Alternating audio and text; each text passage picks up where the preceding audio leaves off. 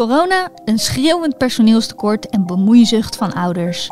Leraren hadden het niet makkelijk in 2021, merkte EW bij een rondgang langs 36 leraren van verschillende leeftijden en uit alle hoeken van het land. Is het vak van leraar nog wel zo leuk? Welkom bij een nieuwe podcast van EW over het coververhaal van deze week. Mijn naam is Fleur Verbeek en vandaag spreek ik met de schrijver van dit verhaal, onderzoeksjournalist Ruud Dijkers. Ruud, welkom. Dankjewel. Door corona is er sprake van een leerachterstand natuurlijk, maar leraren maken zich eigenlijk meer zorgen over de leefachterstand, zoals dat heet. Kun je uitleggen wat dat is? Ja, tijdens de rondgang die we hebben uitgevoerd langs uh, alle leraren kwam vaker te sprake dat er natuurlijk, uh, dus door alle thuiswerk en afstandonderwijs, uh, achterstanden zijn gekomen onder de leerlingen. Dus het is, ze hebben gewoon bepaalde stof niet altijd goed tot zich kunnen nemen. En nou goed, dat, dat is zorgelijk. Aan de andere kant er zijn ook scholen geweest het afgelopen jaar waar leerlingen uh, juist uh, nou ja, op bepaalde vakken goed presteerden. Omdat ze de tijd hadden om thuis daar geconstateerd op te werken. Want er was toch weinig andere afleiding. wat ook wel geconstateerd is, is dat leerlingen die het sowieso altijd wel goed deden, dat die nou ja, het ook wel gaan redden wat betreft de cijfers voor de verschillende vakken. Maar dat leerlingen die nou ja, tot, tot de wat zwakkere behoren, of die bijvoorbeeld thuis minder ondersteuning krijgen om te leren, dat die uh, ook meer lasten van krijgen. Maar goed, dat gaat over de, de leerachterstanden, hè, zoals dat uh, wordt genoemd. Dus het, behalen van cijfers op vakken. Dat is nog niet de grootste zorg die de leraren uitspreken. Waar ze zich vooral inderdaad zorg over maken, is wat ze meerdere keren genoemd hebben tijdens de gesprekken: de leefachterstanden. Nou, wat zijn uh, leefachterstanden? Uh, dus iedereen geeft daar een andere invulling aan, maar het komt toch vooral neer op al die sociale uh, facetten en aspecten die, die horen bij het leven en vooral het leven van een, een puber die vol in ontwikkeling is. en wat zich normaal gesproken toch grotendeels afspeelt thuis, maar niet alleen thuis, maar vooral op school. Um, en met uh, vrienden en vriendinnen en klasgenoten en op het schoolplein en uh, op weg naar de school. Um, en, en, alles wat er op en rond de school uh, gebeurt. En dat is iets waar ze nu zien dat, het, ja, dat er echt wel problemen zijn ontstaan. Kun je voorbeelden daarvan noemen die zij noemden?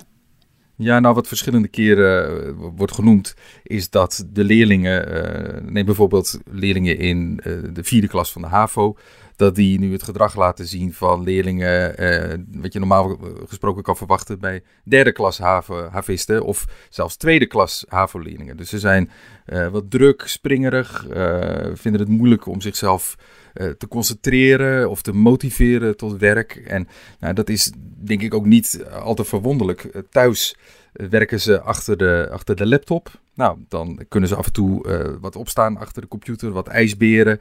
Ze kunnen naar beneden lopen om uh, iets uit de koelkast te pakken of een tosti te maken. En er is voortdurend afleiding. En, maar goed, ook in hun eigen kokon en de kokon van het, uh, van het gezin.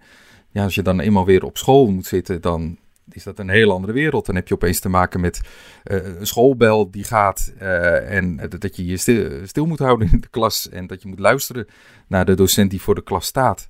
En nou, je merkt dat ze het erg lastig vinden om uh, nou ja, de draad weer op te pakken wat dat betreft. Ja, het vorige kabinet stelde 5,8 miljard euro aan coronasteun beschikbaar voor basis- en middelbare scholen.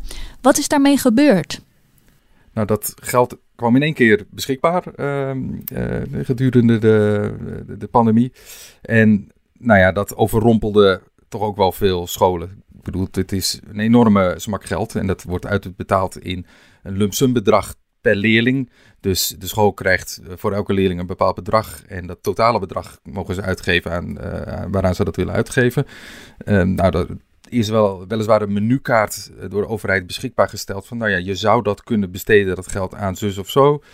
Um, nou ja, wat je vooral ziet is dat het geld, dat de scholen dat wilden besteden. In ieder geval volgens de, de leerkrachten die we gesproken hebben aan het creëren van persoonlijke aandacht voor de leerlingen. Om hen weer op het spoor te krijgen. Nou ja, om persoonlijke aandacht te geven heb je uh, extra handen nodig. Dus er zijn studentenassistenten ingeschakeld of uh, surveillanten tijdens de toetsweken. er zijn ook pedagogen worden genoemd. Hè, dus dat leerlingen die het allemaal wat te veel wordt in een aparte ruimte worden gezet. Om even tot rust te komen en misschien te kunnen spreken met iemand die nou ja, wat oog heeft voor hun psychisch welzijn. En nou ja, dat soort zaken. Maar goed, aan de andere kant wordt ook wel gezegd, ja, we waren toch wel wat overrompeld door zo'n bedrag en ook door de vrijheid die we eh, kregen. Nou ja, we hadden het toch ook wel prettig gevonden als we uh, de, ja, wat, wat concreter uh, invulling konden geven en handvatten hadden kunnen krijgen om die tijd te benutten. Opeens was het er. En heel veel zetten er toch ook wel vraagtekens bij van, gaat dit nu zo'n tijdelijk bedrag, want het is natuurlijk voor eenmalig gebruik, gaat dit nu problemen die misschien voor de lange termijn wat betreft die leven, uh, achterstanden zijn ontstaan oplossen?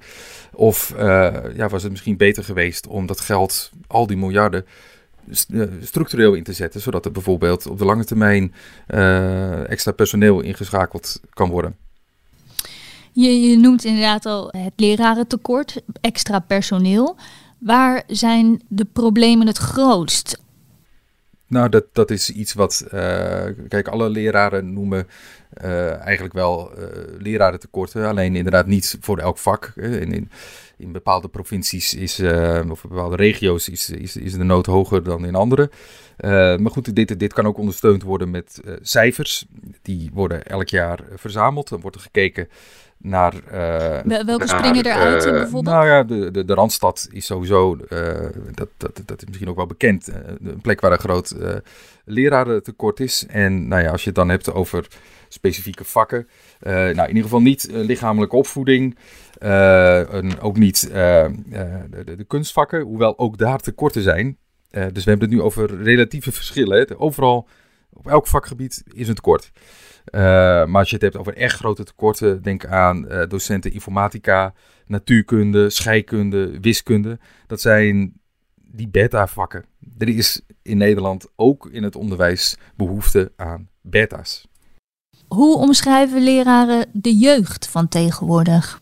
Ja, wat heel veel uh, de, de, de, het springerige gedrag dat ik net noemde, het, niveau van uh, qua gedrag van vier HAVO-leerlingen en nou ja, alle gevolgen van corona, dat is zichtbaar. Maar daarvoor waren toch ook al wel wat ontwikkelingen zichtbaar.